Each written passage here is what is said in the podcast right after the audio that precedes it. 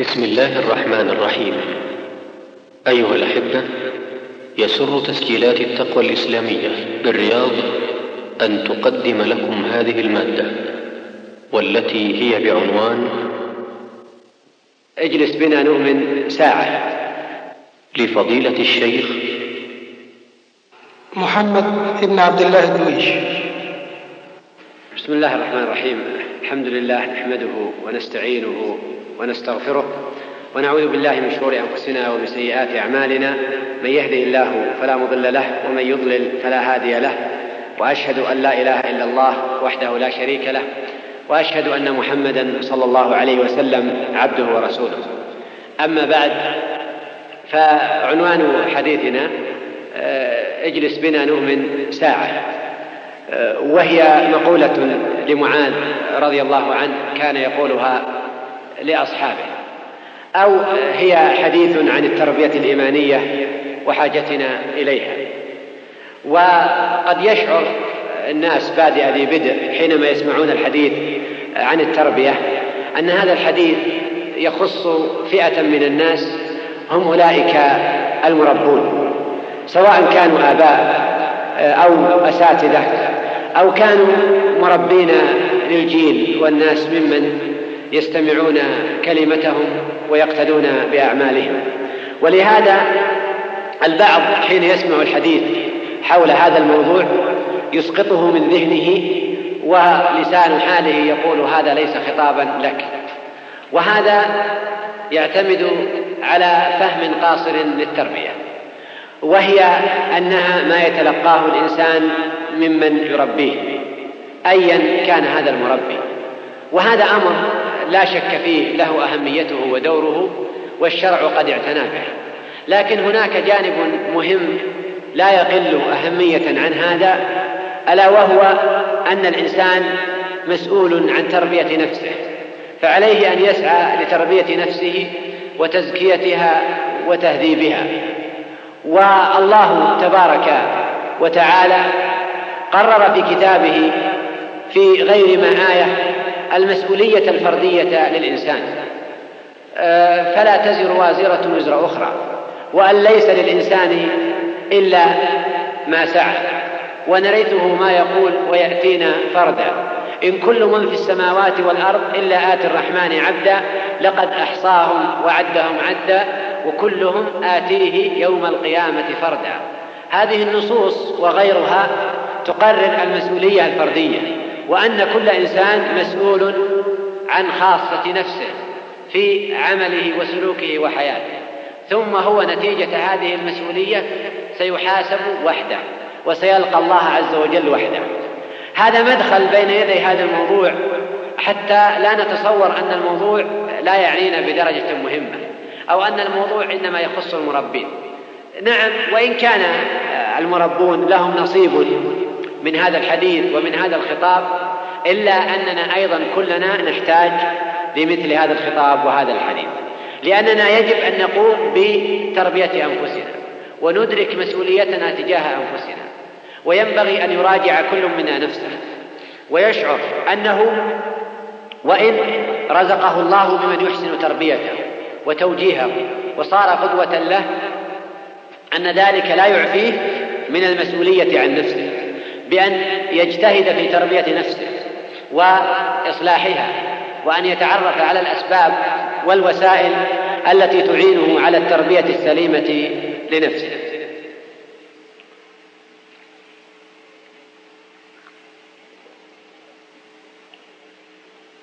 التربية معشر الشباب لها جوانب عدة. التربية إنما تسعى لاكتمال شخصية الإنسان. وأن تكون الشخصية هي الشخصية المسلمة التي تمتثل بأمر الله عز وجل وتنتهي عما نهى الله تبارك وتعالى. هي أن تكون هذه الشخصية هي التي يكون المسلم كما أراده الله عز وجل وكما أوجب عليه. ولا شك أن النفس لها جوانب متعددة. ومن هنا كانت التربية أيضا لها جوانب متعددة. باعتبار أنها تسعى إلى تكميل النفس وتسعى إلى الرقي بها لذلك صارت لها جوانب عدة. فالإنسان مثلا يحتاج إلى أن يربي نفسه في ميدان التعلم وطلب العلم وتحصيل العلم. يحتاج إلى أن يربي نفسه في ميدان الخلق والسلوك والتعامل مع الناس. يحتاج إلى أن يربي نفسه في ميدان العمل والبذل والعطاء في ميادين كثيرة ومن أهم هذه الجوانب وآكدها التربية الإيمانية. تربية الإيمان في النفس.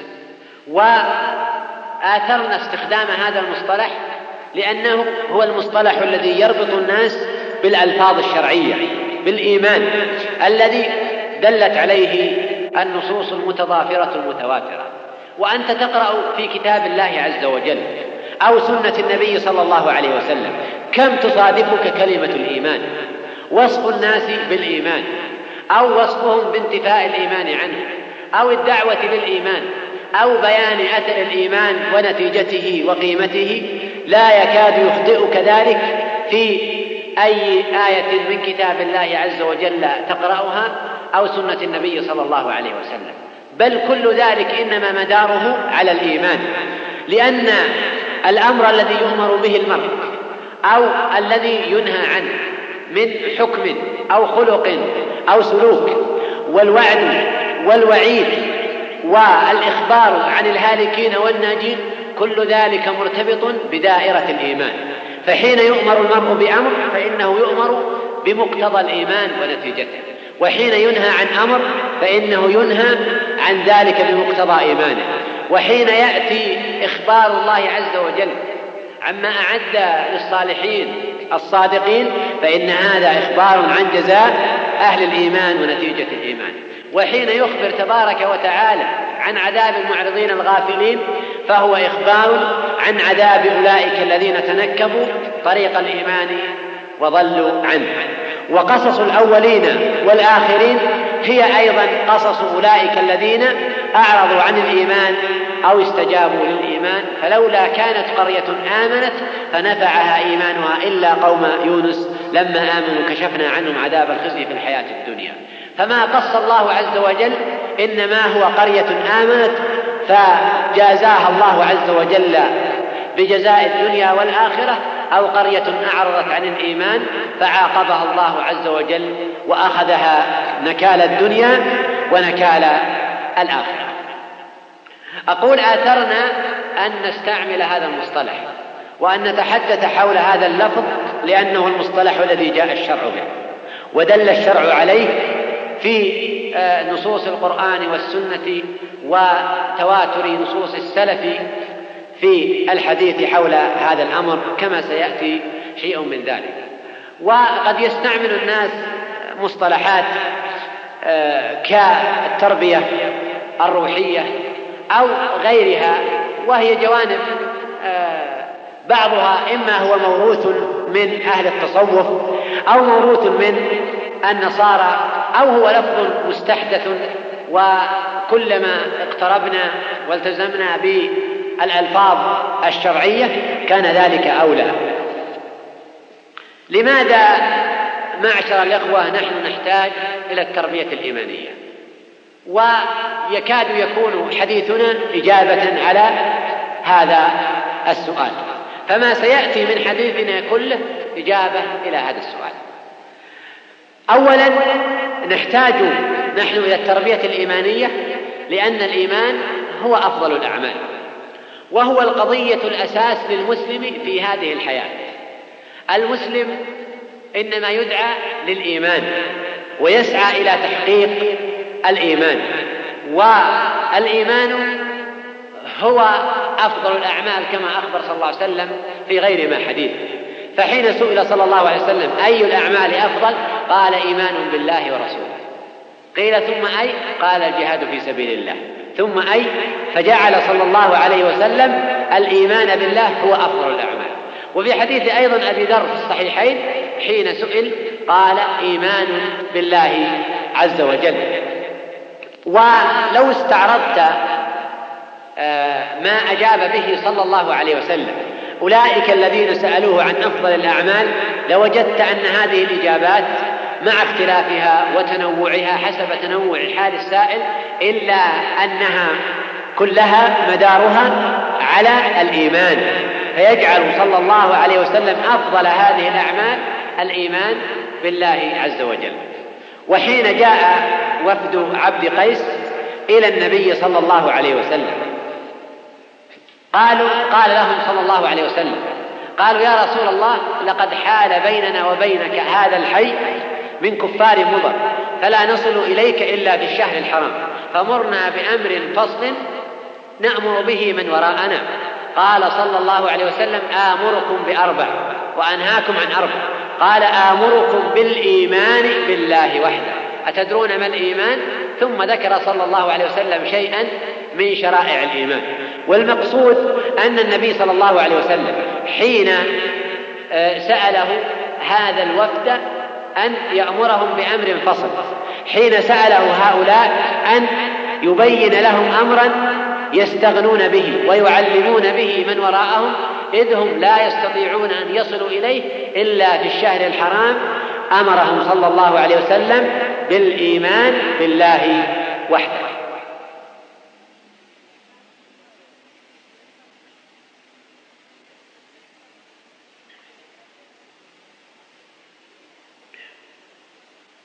الأمر الثاني أن الإيمان هو مناط النجاة يوم القيامة. فنجاة المرء يوم القيامة إنما هي بإيمانه فلن ينجو إلا المؤمنون. ومن أعرض عن الإيمان وتنكب الطريق واختار الكفر بالله عز وجل فلن يدخل الجنة حتى يلج الجمل في سم الخياط. النبي صلى الله عليه وسلم يقول لا تدخلوا الجنة حتى تؤمنوا ولا تؤمنوا حتى تحابوا والذي نفسي بيده لا يدخل الجنة إلا نفس مؤمنة. فأساس النجاة يوم القيامة ومناط النجاة إنما هو مرتبط بهذا الإيمان بالله عز وجل. فمن حقق الإيمان استحق النجاة يوم القيامة. ومن كفر بالله عز وجل وأعرض عنه فإنه مستحق للهلاك والبوار. وعقوبة الدنيا التي يعاقب الله عز وجل بها المعرضين إنما مردها الإعراض عن الإيمان بالله تبارك وتعالى. فلولا كانت قرية آمنت فنفعها إيمانها إلا قوم يونس لما آمنوا كشفنا عنهم عذاب الخزي في الحياة الدنيا ومتعناهم إلى حين. الأمر الثالث أن الناس يتفاوتون يوم القيامة على أساس الإيمان بالله عز وجل على أساس إيمانهم وصلتهم بالله تبارك وتعالى. فهم أولا يتفاوتون في المرور على الصراط كما تعرفون في النصوص التي وردت عنه صلى الله عليه وسلم. فأخبر صلى الله عليه وسلم أنهم يؤتون نورا على قدر إيمانهم. بل في كتاب الله عز وجل يقول تبارك وتعالى آه ما هي الآية؟ الآية اللي تدل على هذا المعنى. لا أعيد السؤال إذا عدت السؤال معناه ما كنت معي قبل قليل. نعم يا أحسنت يسعى نورهم بين أيديهم وبأيمانهم نعم. طيب في أحد عنده جواب ثاني؟ إذا نعم. نعم. أكمل الآية.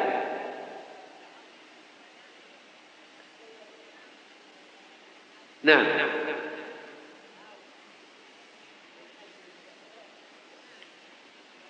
يوم لا ما تجد الشاهد يا أخي. أنا ليش طلبت منك إكمال الآية حتى تأتي بموضع الشاهد؟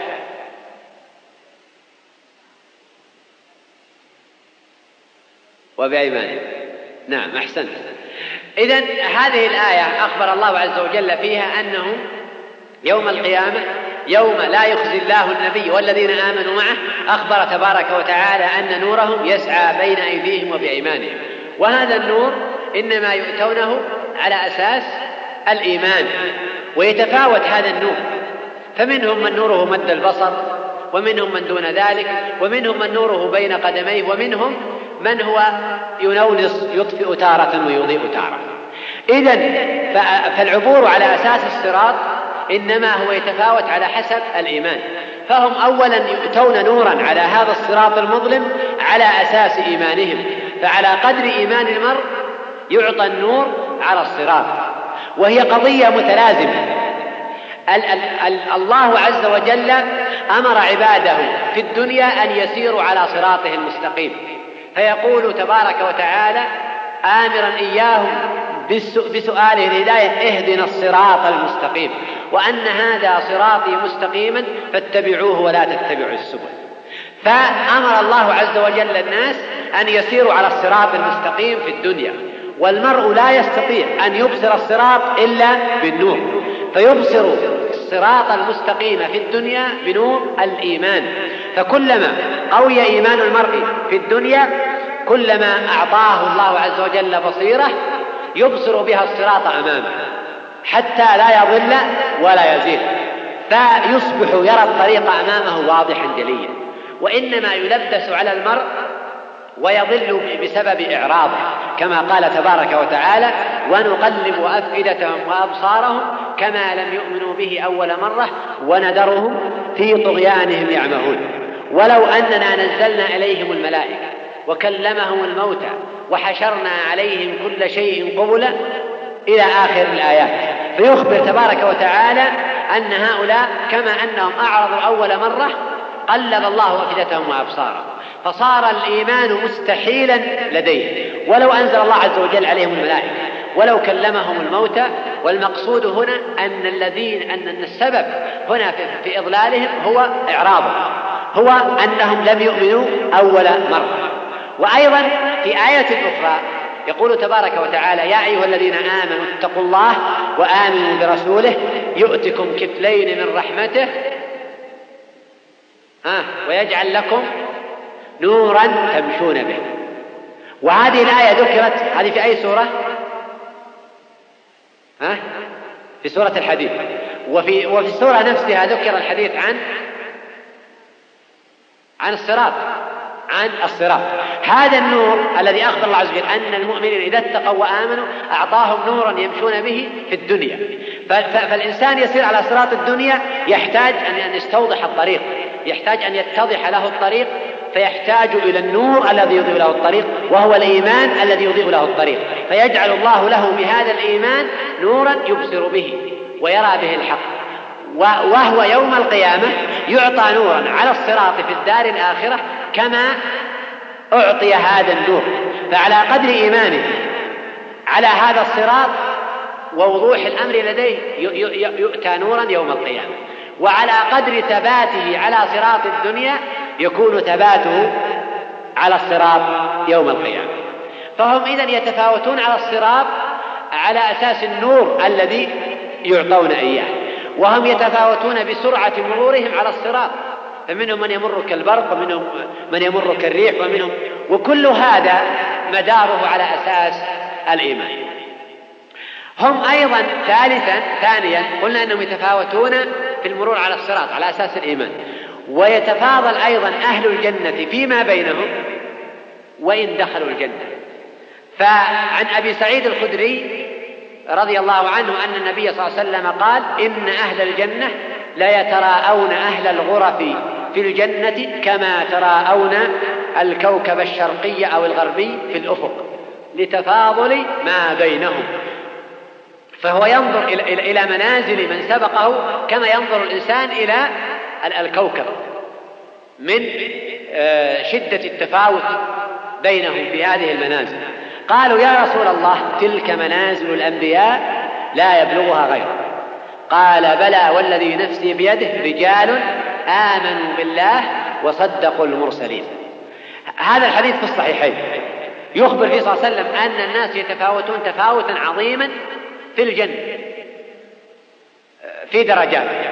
وأن أولئك الذين رزقهم الله عز وجل هذه المنازل التي يتراءاها الناس كما يتراءون الغرف أنهم هم أولئك الذين آمنوا بالله وصدق وصدقوا المرسلين.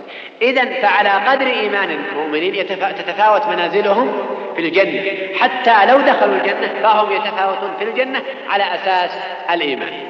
ثالثا العصاة من الموحدين. كما تعلمون أنتم أنهم يبقون في النار ثم يخرجون منها.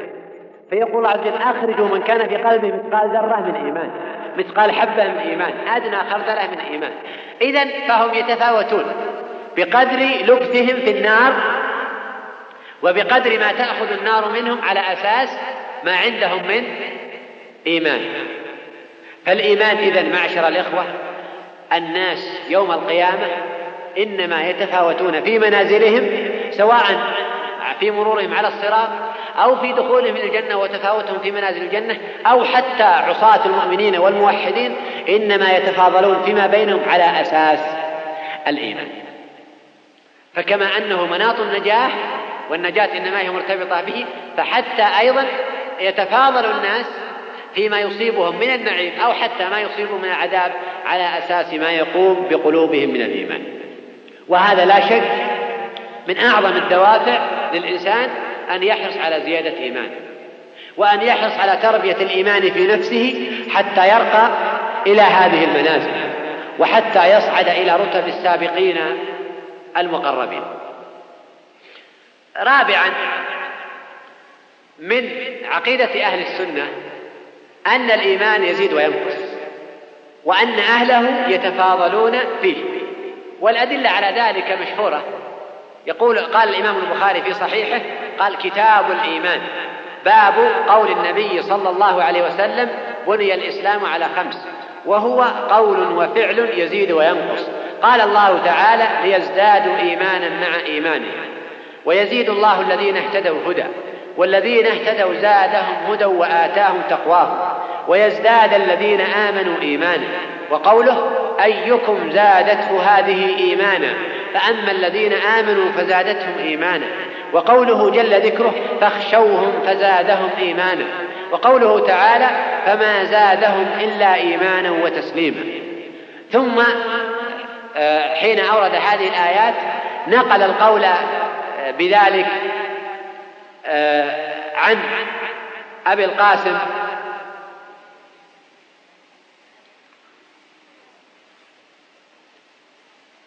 عن أبي القاسم اللالكائي في السنة عن الشافعي وأحمد وإسحاق وأبي عبيد. آه وأيضا قال رحمه الله لقيت أكثر من ألف رجل من العلماء بالأمصار فما رأيت أحدا يختلف في أن الإيمان قول وعمل ويزيد وينقص. وينبني على مسألة زيادة الإيمان ونقصه مسألة أخرى وهي تفاضل أهل الإيمان فيه. فإذا كان يزيد وينقص فهذا يعني أن أهله يتفاضلون فيه. كما في الصحيحين من حديث أبي سعيد الخدري رضي الله عنه قال قال رسول الله صلى الله عليه وسلم بين أنا نائم رأيت الناس يعرضون علي وعليهم قمص. منها ما يبلغ الثدي ومنها ما دون ذلك.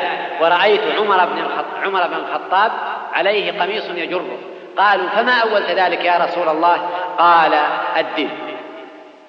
وبوب على هذا الحديث الحافظ ابن منده في كتابه الإيمان باب ذكر ما يدل على أن المؤمنين يتفاضلون في الإيمان وفضل عمر بن الخطاب رضي الله عنه وقال هذا حديث مجمع على صحته المقصود إذا أن من من الأمور المقرة عند أهل السنة أن الإيمان يزيد وينقص وأن أهله يتفاضلون فيه وهذا يدعو الإنسان إلى أن يحرص على زيادة إيمانه قدر الإمكان ويحرص إذا علم أن أهل الإيمان يتفاضلون فيه أن يسعى إلى أن يصعد إلى المراتب العالية.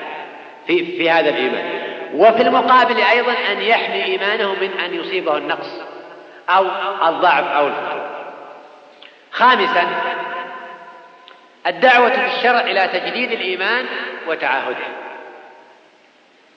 آه، روى الحاكم والطبراني من حديث عبد الله بن عمرو بن العاص رضي الله عنه أن النبي صلى الله عليه وسلم قال إن الإيمان ليخلق في جوف أحدكم كما يخلق الثوب.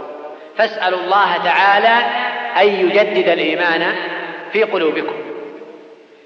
وروى ابن أبي شيبة في الإيمان وعبد الله ابن الإمام أحمد في السنة عن حذيفة بن اليمان رضي الله عنه قال القلوب أربعة قلب أجرد كأنما فيه سراج يزهر فذلك قلب المؤمن. وقلب أغلف فذلك قلب الكافر. وقلب مصفح فذلك قلب المنافق وقلب فيه إيمان ونفاق. ومثل الإيمان فيه كمثل شجرة يسقيها ماء طيب. ومثل النفاق فيه كمثل قرحة يمدها قيح ودم فأيهما غلب عليه غلب. هذا روي عن آه، حذيفة رضي الله عنه موقوفا عليه. وقد رواه بعضهم مرفوعا إلى النبي صلى الله عليه وسلم والموقوف أصح. وروى ابن أبي شيبة في الإيمان عن علقمة أنه كان يقول أنه كان يقول لأصحابه امشوا بنا نزدد إيمانا. وروى أيضا ابن أبي شيبة في الإيمان والإمام أحمد وأبو عبيدة في الإيمان والبخاري تعليقا وصحح ذلك الحافظ بن حجر عن معاذ رضي الله عنه أنه قال اجلسوا بنا نؤمن ساعة. يعني نذكر الله تعالى. وروى عن الأسود بن هلال قال كان معاذ يقول للرجل من إخوانه اجلس بنا فلنؤمن ساعة فيجلس فيجلسان فيذكران الله ويحمدانه على كل حال النصوص في ذلك كثيرة في الدعوة إلى تجديد الإيمان وتعاهده في النفوس وقد صنف السلف في ذلك كتبا خاصة في الإيمان.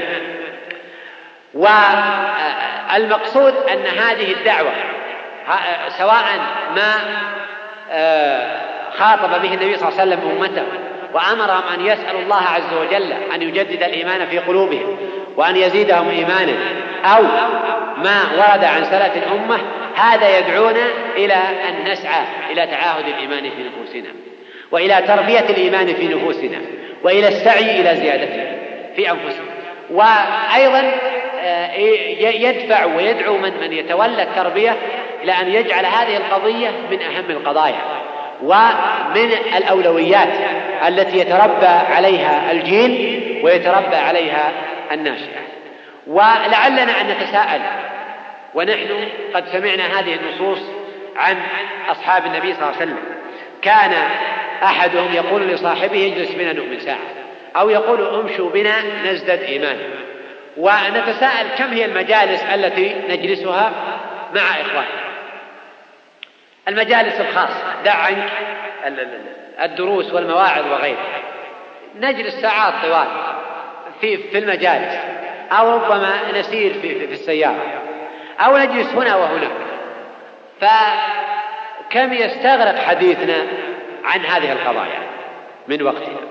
وهل نحن حين نجلس مثل هذه المجالس يذكر بعضنا بعضا في قضايا الإيمان والخوف من الله عز وجل. ونسعى إلى أن تكون هذه المجالس تزيدنا إيمانا. أو بعبارة أخرى أحدنا كثيرا ما يلقى أخاه في الله. أي أيا كان هذا اللقاء. فهل هو يشعر أنه حين يلقاه ويتحدثان أنهما يزدادان إيمانا؟ ويشعر أن هذا اللقاء يزيد إيمان وصلة بالله عز وجل؟ أو أنه يلقاه كما يلقى غيره. بل ربما كان أحيانا كانت بعض المجالس إنما هي مدعاة لقسوة القلب والبعد عن الله تبارك وتعالى. وليس بالضرورة يا إخوة أن يكون الحديث في قضايا الإيمان والخوف من الله عز وجل والمجالس التي تزيد الإيمان. ليس بالضرورة أن يكون موعظة مثل يلقيها الإنسان بعد الصلاة. أو مجلس علم يحضره. أو حديث رسمي كما يقال. ليس بالضرورة هذا ولا ذاك. يا أخي أنت تتحدث مع أخيك في مجلس أو في سيارة أو حتى في الهاتف أو هنا وهناك. ما الذي يمنع وصية أو تذكير بالله عز وجل؟ فيزداد بعضنا إيمانا من ذلك إذا كان أصحاب النبي صلى الله عليه وسلم إذا جلسوا وتواصلوا زادوا إيمانا وهم من هم في الإيمان والصلاح والتقوى فغيرهم من باب أولى. الأمر السادس أن الإيمان هو الزاد الذي يعين المرء على الثبات في مواجهة الشهوات. الرسول صلى الله عليه وسلم يقول سبعة يظلهم الله في ظله يوم لا ظل إلا ظله. ويذكر منهم صلى الله عليه وسلم رجل دعته امرأة إلى نفسها فقال إني أخاف الله عز وجل. فإنما منعه من مواقعة ما حرم الله تبارك وتعالى خوفه من الله عز وجل. وإيمانه بالله تبارك وتعالى. والله عز وجل يقول زين للناس حب الشهوات من النساء والبنين والقناطير المقنطرة من الذهب والفضة والخيل المسومة والأنعام والحرث. ذلك متاع الحياة الدنيا والله عنده حسن المآب. وأخبر تبارك وتعالى أن الشهوات قد زينت للناس. وهذا الكلام في الجملة. ما بالكم بهذا العصر اللي نعيشه وقد فتحت فيه الأبواب على مصراعيها. وصارت الشهوات تلاحق الشاب وتلاحق الفتاة وتلاحق الصغير والكبير في آه، السوق والشارع بل حتى في المنزل هنا وهناك وصار الناس يشتكون من جحيم هذه الشهوات وآثارها وكيف أنها تصرف الكثير عن طاعة الله عز وجل وتجلف الكثير وربما كانت سبب في الانحراف. وسبب في الضلال والغواية عافانا الله عز وجل وإياكم من ذلك. ولو تأملت حال الكثير ممن ضلوا وتنكبوا الطريق لوجدت أن الكثير من هؤلاء إنما أتي من هذا الباب ومن هذا المدخل ويتساءل ما العلاج؟ وما الحل؟ أمام الآن هذا السيل الجارف من الشهوات الذي صار القضية ما لا يكاد الإنسان يستطيع أن أن يمنع أبنائه عنه. ولا يستطيع الناس في المجتمع أن يمنعوا الناس من من مقارفتها ولا من رؤيتها.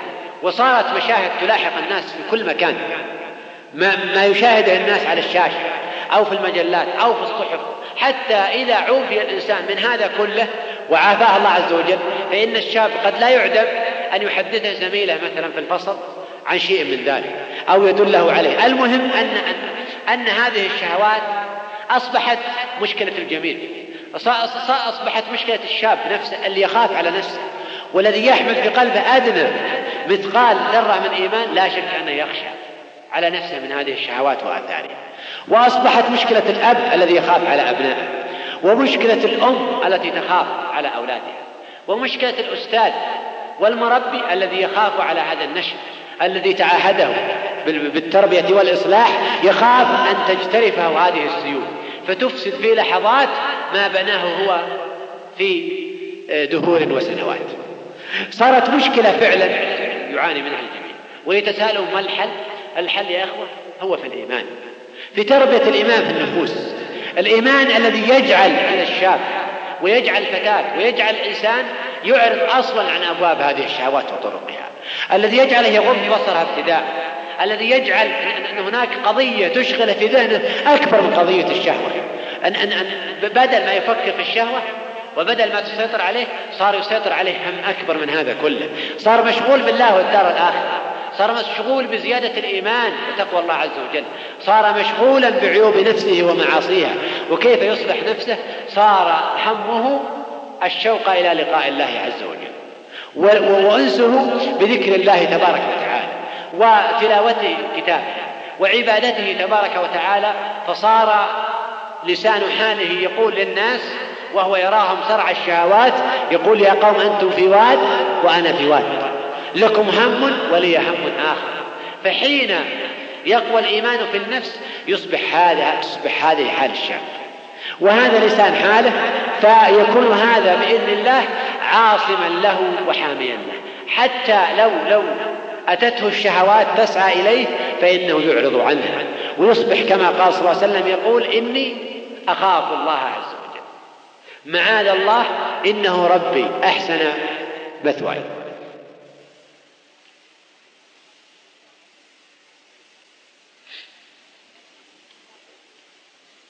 وهذا لا شك يا إخوة الوقت والمرحلة التي نعيشها الآن والتي فتن الناس فيها بالشهوات هذا مدعاة لأن نراجع برامجنا التربوية. أن أن يراجع المربون على ما يربون الناس على ما تتربى الأمة. الآن الملايين من من المسلمين يرون أبواب الشهوات مفتوحة أمامهم ويرون أبواب الفتن والضلال بكل ألوانه مشرعة أمامهم. فماذا يتلقون؟ ماذا يتلقى الطلاب في مدارسهم؟ وماذا تتلقى الطالبات في مدارسهم؟ هل يتلقون؟ ويتعلمون ما يربي الإيمان في النفوس؟ وما يقوي الإيمان ويصل الإيمان بالله عز وجل؟ ماذا يسمعون هؤلاء في وسائل الإعلام؟ وماذا يقرؤون في الصحف التي يرونها صباح مساء؟ وسائل التوجيه التي تخاطب الناس وتحدث الملايين ما مدى عنايتها بتربية الإيمان في النفوس؟ وغرس الإيمان في النفوس؟ وهي قضية إذا كانت الأمة جادة في التربية إذا كانت الأمة جادة في الإصلاح إذا كانت قضية الدين والعقيدة الإسلامية قضية تعني الأمة فعلا بجد فيجب أن توجه وسائل التربية والتوجيه في الأمة إلى غرس الإيمان في النفوس وإلى غرس الإيمان في القلوب وأن تتعاهد الأمة بتربية الإيمان وتوجه وسائل التربية والتوجيه كلها في المجتمع لتحقيق هذه القضية. وماذا تريد الأمة من إنسان متعلم ومثقف لكن قلبه خواء من الإيمان بالله عز وجل وتقواه. وماذا تريد الأمة من فتاة متعلمة لكنها لا تخشى الله عز وجل طرفة عين. وهذا يدعو أيضا الأب إلى أن يعيد النظر في وسائل تربيته لأبنائه وكيف يربي أبنائه وأن يعرف أن القضية ما تنتهي عند حد أمر أبنائه بالصلاة. ونهيهم عن مصاحبة جلساء السوء. لا تقف القضية عند عند أمره بالطاعة ونهي عن المعصية بل القضية يجب أن يجعل جو البيت جو إيمان. يجعل البيت جو يربي على الإيمان والصلاح والتقوى. إذا كان ابنه يخرج في الشارع فيرى مظاهر الإغراء والإثارة وما يدعو للفساد. ثم يأتي للبيت فماذا يرى فيه؟ لا يرى في البيت إلا مجلة أو ما يراه على الشاشة. أو لا إذا حسنت الأحوال وصفت الأمور فإنه لا يمكن على أحسن الأحوال أن يجد في البيت ما يزيده إيمانا وتقوى. وإذا كان والده صالح أو أمه صالحة فإنه لن يجد منهم إلا مجرد الأمر والنهي فقط. أما أن يكون هناك تربية تغرس الإيمان في النفوس وتربي الإيمان في القلوب فهذا أمر للأسف يخل به كثير من هؤلاء. والمربون الذين يتولون تربية الشباب أيا كان دورهم وموقعهم هم الآخرون أيضا بحاجة إلى مزيد مراجعة. وأن أن ينظروا أين تقف قضية التربية الإيمانية في سلم الأولويات التربوية لديهم. هل هي قضية فعلا قضية مهمة وأساسية أم لا؟ ويجب أن يشعر هؤلاء أن العناية بهذه القضية وإعطائها الأولوية يختصر عليهم مراحل طويلة ويحمي هذا النشء الذي يرون أنهم كلما أصلحوا شيئا أفسدته هذه الشهوات وأفسدته هذه المجتمعات التي تؤز المسلم وتؤز الشاب إلى الفساد وتدفعه إليه. وهذا يدعو أيضا الشاب إلى أن يتعاهد نفسه وهو يشعر بالخطر الداهم الذي يحاصره والذي يهدده يدعوه إلى أن يرى أن أن من مسؤوليته تجاه نفسه أن يتعاهد الإيمان في نفسه وأن يحرص قدر الإمكان على زيادة الإيمان. وعلى تربية الإيمان في نفسه وأن يشعر أنه إن خسر ووقع في براثين الشهوات أو الشبهات خسر إيمانه وخسر دنياه وآخرته. وهي قضية لا تحتمل المخاطرة أبدا. الأمر السابع أنه حين يقع في المعصية فالإيمان هو الذي يعين على تجاوزها. يعني قد قد توقع الإنسان نفسه في المعصية في حالة ضعف. وغفلة واستيلاء للشيطان عليه. فإذا كان الإنسان تربى على الإيمان وعلى التقوى لله عز وجل فإن سرعان ما يستفيق وسارعوا إلى مغفرة من ربكم وجنة عرضها السماوات والأرض أعدت للمتقين الذين ينفقون في السراء والضراء والكاظمين الغيظ والعافين عن الناس والله يحب المحسنين والذين إذا فعلوا فاحشة أو ظلموا أنفسهم ذكروا الله فاستغفروا لذنوبهم. إذا هذه حال المتقين. إذا وقعوا في معصية أو ظلموا أنفسهم ذكروا الله عز وجل فتجاوزوا هذه المعصية. وفي آية أخرى يقول تبارك وتعالى إن الذين اتقوا إذا مسهم طائف من الشيطان تذكروا فإذا هم مبصرون وإخوانهم يمدونهم في الغي ثم لا يقصرون فالمتقين قد يصيبهم طائف من الشيطان فقد يسول لهم الشيطان فيوقعهم في أمر محرم أو تقصير في واجب شرعي. لكن هذا الإيمان والتقوى في نفوسهم سرعان ما يدعوهم إلى التوبة والرجوع إلى الله عز وجل والازدياد من الحسنات فيزدادون إيمانا بعد ذلك. ويفعلون من الطاعات أضعاف ما عملوا من من السيئات حتى يكون ذلك مدعاة لتطهير أنفسهم من السيئات ورجسها وزيادة إيمانهم بعد ذلك. إذا صاحب الإيمان يا إخوة حتى لو واقع المعصية فإنه هو أقرب الناس وأدعى الناس إلى المبادرة بالتوبة والإقلاع والاستغفار منها. ثامنا الإيمان بالله عز وجل هو المعين على الثبات عند الابتلاء والإغراء. المرء قد تصرفه الشهوات كما قلنا ويضل عن طريق الله عز وجل. لكنه أيضا قد يبتلى والله تبارك وتعالى أخبر أن من لوازم الإيمان أن يبتلى الإنسان. أحسب الناس أن يتركوا أن يقولوا آمنا وهم لا يفتنون. ولقد فتنا الذين من قبلهم فلا يعلمن الله الذين صدقوا ولا يعلمن الكاذبين. ومن الناس من يقول آمنا بالله فإذا أوذي في الله جعل فتنة الناس كعذاب الله. لاحظوا هنا التعبير من يقول آمنا بالله؟ فلم فلم يقل من يؤمن بالله. لأنه لو لو آمن بالله حق الإيمان لما حصل له هذا الأمر. كما قال هرقل لأبي سفيان حين سأله عن أصحاب النبي صلى الله عليه وسلم. قال هل يرتد أحدا من أصحابه سخطة لدينه؟ قال لا. قال كذلك الإيمان إذا خالطت بشاشته القلوب لا تفارقه أبدا. والذي يعين الإنسان على الثبات بإذن الله عند الابتلاء وعند الإغراء إنما هو الإيمان بالله عز وجل. وأولئك الذين يعبدون الله على حرف هم أولئك الذين أسرع الذين هم أسرع الناس استجابة لداعي الفتنة والإغراء. ومن الناس من يعبد الله على حرف. فإن أصابه خير اطمأن به وإن أصابته فتنة انقلب على وجهه خسر الدنيا والآخرة. ذلك هو الخسران المبين. الأمر التاسع أن الداعية إلى الله عز وجل وطالب العلم هو أحوج الناس إلى التربية الإيمانية. لماذا؟ لماذا الذي يدعو إلى الله عز وجل والذي يطلب العلم هو أحوج الناس إلى التربية الإيمانية؟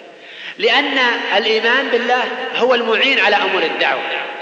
النبي صلى الله عليه وسلم قبل أن يأتيه الوحي كان يتحنث في غار حراء ويتعبد صلى الله عليه وسلم الليالي ذوات العدل لأنه كان أمام تحمل أمانة الدعوة وعبئها فكان يحتاج إلى الصلة بالله عز وجل. والإيمان به تبارك وتعالى حتى يكون ذلك خير معين له على القيام بأعباء هذه الدعوة. ويقول الله عز وجل له يا أيها المزمل قم الليل إلا قليلا نصفه أو انقص منه قليلا أو زد عليه ورتل القرآن ترتيلا إنا سنلقي عليك قولا ثقيلا. إيه، هذا الأمر بقيام الليل والأمر بالاجتهاد بالطاعة كل هذا لأنه سيلقى عليه قول ثقيل إن ناشئة الليل هي أشد وطأ قيلا فالله عز وجل يأمر النبي صلى الله عليه وسلم أن يأخذ زادا له من ناشئة الليل أن يأخذ زادا له من قيام الليل من التسبيح بالنهار وذكر الله عز وجل. لماذا؟ لأنه سيلقى عليه قول ثقيل وهو القرآن وسيتحمل صلى الله عليه وسلم عبء الدعوة لهذا القرآن. الأمر الثاني أن الداعي الله عز وجل وطالب العلم عرضة للآفات عرضة للإعجاب بالنفس عرضة للرياء. عرضة لأن يسير وراء بريق الشهوة والذي يعينه ويحميه من ذلك هو الإيمان بالله عز وجل. الذي يجعل يشعر أن ما قدم كله إنما هو لله تبارك وتعالى. والذي يجعله يشعر بذنوبه وتقصيره في جنب الله عز وجل. والذي يجعله يشعر أن ما قدم لن ينجيه إلا برحمة الله تبارك وتعالى. الأمر الثالث أن الداعية يدعو الناس للإيمان بالله عز وجل وفاقد الشيء لا يعطيه. وإذا كان المرء فاقدا للشيء كيف يستطيع أن يعطيه؟ إذا كان يحتاج أن يربي الناس على الإيمان بالله عز وجل وتقوى الله وهو فاقد للإيمان والتقوى. إذا كان يريد أن ينهى الناس عن معاصي الله عز وجل إذا كان يريد أن يأمر الناس بطاعة الله عز وجل وهو يعاني من الجفاء في قلبه يعاني من الضعف في إيمانه يعاني من الخور في هذا الجانب فكيف يستطيع أن يحقق هذا الأمر؟ أتأمرون الناس بالبر وتنسون أنفسكم وأنتم تتلون الكتاب؟ لم تقولون ما لا تفعلون؟ كبر مقتا عند الله أن تقولوا ما لا تفعلون. الأمر الرابع أن الذي يدعو إلى الله عز وجل هو من أكثر الناس عرضة للابتلاء والامتحان. والذي يعينه على الثبات على الابتلاء هو الإيمان بالله تبارك وتعالى. ولهذا الله عز وجل كلما ذكر في كتابه ما يكيد الكفار به للنبي صلى الله عليه وسلم أوصاه وأوصاه بالصبر عقب على ذلك بالوصية بالتسبيح أو الصلاة أو التوجه لله عز وجل. وأنت تجد في القرآن لا تكاد تجد أمرا للنبي صلى الله عليه وسلم بالصبر على ما يواجهه من أذى ومن ابتلاء إلا ويعقب بالأمر بالتسبيح والأمر بالصلاة وطاعة الله عز وجل. لماذا؟ لأن هذا هو الزاد المعين على الصبر. يقول تبارك وتعالى فاصبر على ما يقولون وسبح بحمد ربك قبل طلوع الشمس وقبل غروبها ومن آناء الليل فسبح وأطراف النهار لعلك ترضى. ويقول فاصبر على ما يقولون وسبح بحمد ربك قبل طلوع الشمس وقبل الغروب. ومن الليل فسبحه وأدبار السجود. ويقول فاصبر على ما يقولون واهجرهم هجرا جميلا. ويقول واذكر اسم ربك بكرة وأصيلا. ومن الليل فاسجد له وسبحه ليلا طويلا. والآيات في ذلك كثيرة. ومن استعرض الآيات في في في السور المكية في سورة هود والإسراء وطه والإنسان والمزمل. وجد دائما وغيرها أنه يعقب الأمر بالصبر إما بالصبر على مشقة الدعوة أو بالصبر على محاولة هؤلاء فتنة النبي صلى الله عليه وسلم أن يعقب الأمر بالصبر الأمر بالتسبيح والأمر بالصلاة والأمر بقيام الليل لأن هذا من يدعو إلى الله عز وجل عرضة للابتلاء وعرضة لأن يواجه والذي يعينه بعد توفيق الله عز وجل إنما هو إيمانه وصلته بالله تبارك وتعالى. الأمر العاشر الإيمان والتربية الإيمانية هي الحل الأمثل للكثير من المشكلات التي نعاني منها في التربية. كثيرا ما نشتكي من قسوة القلب والفتوح والجرأة على المعاصي. ما هو الحل لذلك؟ الحل لذلك لا شك هو التربية الإيمانية. كثيرا ما نشتكي ونتساءل عن الانحراف بعد الهدى وهي ظاهرة بدأت تكثر في هذا العصر وبالذات في السنوات الأخيرة. كثيرا ما تشاهدون أولئك الذين كانوا على خير واستقامة وصلاح ثم ضلوا وتنكبوا الطريق. ونتساءل كثيرا ما, السبب؟ ونتساءل كثيرا ما العلاج لهذه الظاهرة؟ لا شك أن أعظم علاج وأهم علاج لمثل هذه المشكلة إنما هو الإيمان بالله تبارك وتعالى والتربية الإيمانية. أن نربي أنفسنا على الإيمان بالله عز وجل وأن يربى الجيل ويربى الشباب على الإيمان بالله تبارك وتعالى. ويغرس الإيمان في النفوس حين سنجد أن هذه الظواهر تقل وتتلاشى. كما قال هرقل لأبي سفيان لما سأله قال هل يرتد أحد من أصحابه سخطة لدينه قال لا. قال له كذلك الإيمان إذا خلط بشاشة القلوب لا تفارقها أبدا. ولما مات النبي صلى الله عليه وسلم وارتد من ارتد؟ كان الذين ارتدوا عامتهم من أولئك الذين قال الله عنهم قالت الأعراب آمنا. قل لم تؤمنوا ولكن قولوا أسلمنا. ولما يدخل الإيمان في قلوبهم أما السابقون الأولون أهل بدر بأهل بيعة الرضوان الذين جاهدوا مع النبي صلى الله عليه وسلم الذين دخل الإيمان في قلوبهم فلم يرتد أحد منهم. أما الذين ارتدوا على أدبارهم هم أولئك الذين لم يتربوا التربية الإيمانية. هم أولئك الذين قال الله عز وجل عنهم ولما يدخل الإيمان في قلوبهم إذا هذه القضية والمشكلة التي نعاني منها إنما علاجها وأساسها في التربية الإيمانية. من المشكلات التي يعاني منها الكثير من من الشباب أنه إذا ابتعد عن إخوانه ضعف وربما تجرأ على المعاصي وربما تغيرت حاله وتبدل. من المشكلات أحيانا التي نشتكي منها العلاقات العاطفية التي قد تكون بين الشباب أو بين الفتيات أو بين الشباب والفتيات والتي بدأت تنتشر في المجتمع حتى بدأت تسير العدوى إلى مجتمعات الصالحين والناس الأخيار. المقصود يا إخوة أننا نعاني الآن من مشكلات تربوية كثيرة. ويتردد السؤال ويتكرر ما الحل لهذه المشكلة وما العلاج لتلك. لا شك أن الحل للكثير من هذه المشكلات هو في تعميق التربية الإيمانية هو في تعميق الإيمان في النفوس والصلة بالله عز وجل. وحين نجعل الهم هما واحدا نختصر الطريق على أنفسنا.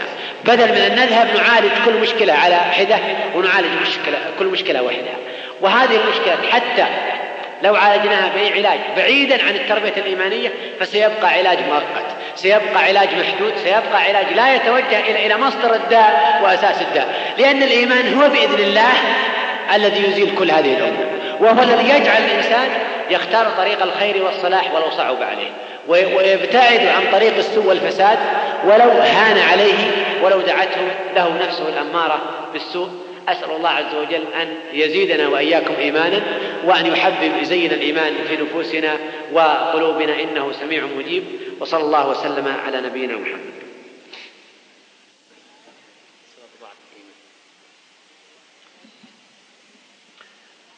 طيب هناك أكثر من سؤال يسأل فيه الإخوة عن أسباب ضعف الإيمان. هو عموما الحديث عن الإيمان حديث طويل والسلف كتبوا كثيرا عن الإيمان آه، عن آه، فضله وزيادته ونقصه وتفاضل أهله فيه وعن أسباب زيادة الإيمان ونقصه وأسباب ضعف الإيمان. لا شك أن الإيمان كما تعلمون يزيد بالطاعة وينقص بالمعصية. فكلما ازداد المرء طاعة لله عز وجل زاد إيمانا بالله تبارك وتعالى.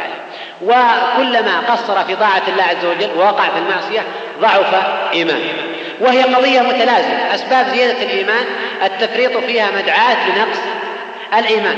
فالعلم بالله عز وجل وأسمائه وصفاته تبارك وتعالى تلاوة القرآن وتدبر معانيه التفكر في مخلوقات الله عز وجل ذكر الله تبارك وتعالى.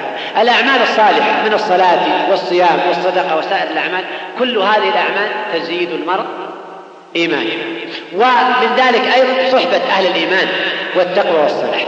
في المقابل ضعف الإيمان أيضا من أعظم أسبابه المعصية ومواقعته.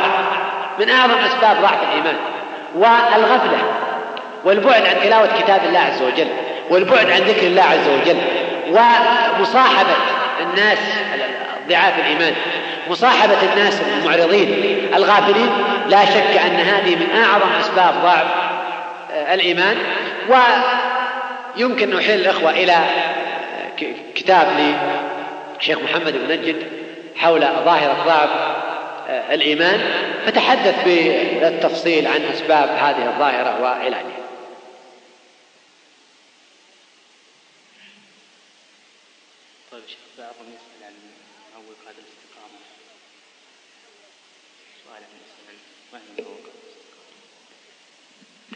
البعض يسأل عن معوقات الاستقامة.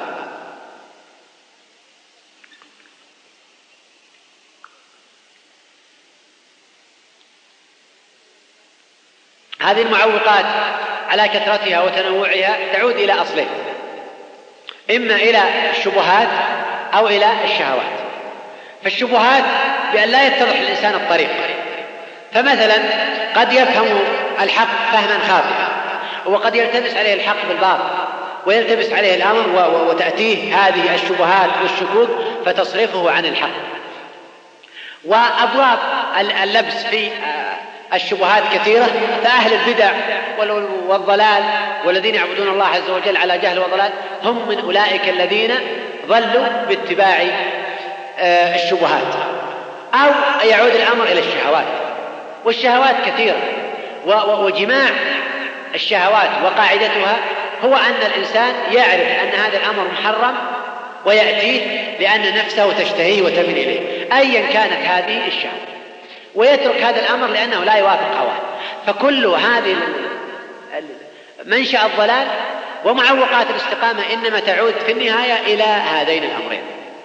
وسائر الأمور إنما هي مدعاة لتأصيل الشبهات أو مدعاة لتأصيل الشهوات. يعني خذ مثلا جليس السوء. من أعظم الأسباب التي تعوق الإنسان عن الاستقامة. من من أعظم الأسباب. وهو إنما يعوق الإنسان عن الاستقامة إما من خلال الشبهات أو الشهوات. ولهذا الله عز وجل يقول اهدنا يأمرنا أن نسأله دائما اهدنا الصراط المستقيم صراط الذين أنعمت عليهم غير المغضوب عليهم ولا الضالين. فصراط الذين أنعم الله عليهم هو غير صراط الضالين وغير صراط المغضوب عليهم. والمغضوب عليهم كما تعلمون هم اليهود والضالون هم النصارى. وليس المقصود هاتين الطائفتين فقط وإن كانت الأمة تشعر أنها على خط خط متوازي مع هؤلاء. لا يمكن أن تلتقي مع اليهود ولا النصارى لأنهم أعداء لهم. كل يوم يقرأ المسلم مرارا يستعيذ بالله من طريق الضالين وطريق المغضوب عليهم. لكن أيضا ليست القضية لذات اليهود وحدهم أو النصارى. إنما اليهود هم أئمة كل من ضل باتباع الشهوات والنصارى هم أئمة كل من ضل باتباع الشبهات. فكل من ضل إن فله إمام إما أن يكون إمامه المغضوب عليهم أو إمامه الضالون.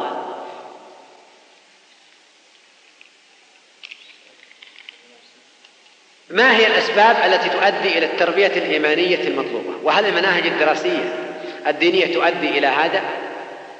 يعني سبق أن أشرت إلى أن من مشكلة الأمة؟ أن أن مؤسسات الأمة لا شك تحتاج إلى مراجعة. تحتاج الأمة إلى إلى مراجعة كل مؤسساتها سواء المؤسسات الإعلامية أو التعليمية أو التربوية التي تربي الأمة على الإيمان والتقوى والصلاح. والقضية ما ليست مجرد معلومات جافة وأمور يعطاها الإنسان لا. لهذا كان آه، سفيان الثوري كانت تقول له أمه لما أراد أن يطلب العلم قالت له يا بني إذا تعلمت عشر مسائل فانظر هل زاد ذلك في علمك وخشيتك وتقواك؟ أم لا؟ يعني تجعل هذا مقياس لما يتعلمه. هل هذا السؤال يرد في أذهاننا؟ وهل هذا السؤال يرد في, في, في أذهان الجيل وهو يعلم؟ في أي ميدان؟ حتى أنت يا أخي في طلبك للعلم. في أي ميدان يجب أن تطرح هذا السؤال على نفسك دائما. أن أساس العلم هو الخشية. إذا كان هذا العلم لا يزيدك إيمان ولا خشية ولا زهد ولا ورع فيجب أن تعيد النظر أنت في منهجك أصلا في التعلم. أما الأسباب التي تؤدي التربية الإيمانية فعوامل زيادة الإيمان التي أشرت إليها. سابقا هي من الأمور التي تعين الإنسان على أن يربي نفسه التربية الإيمانية.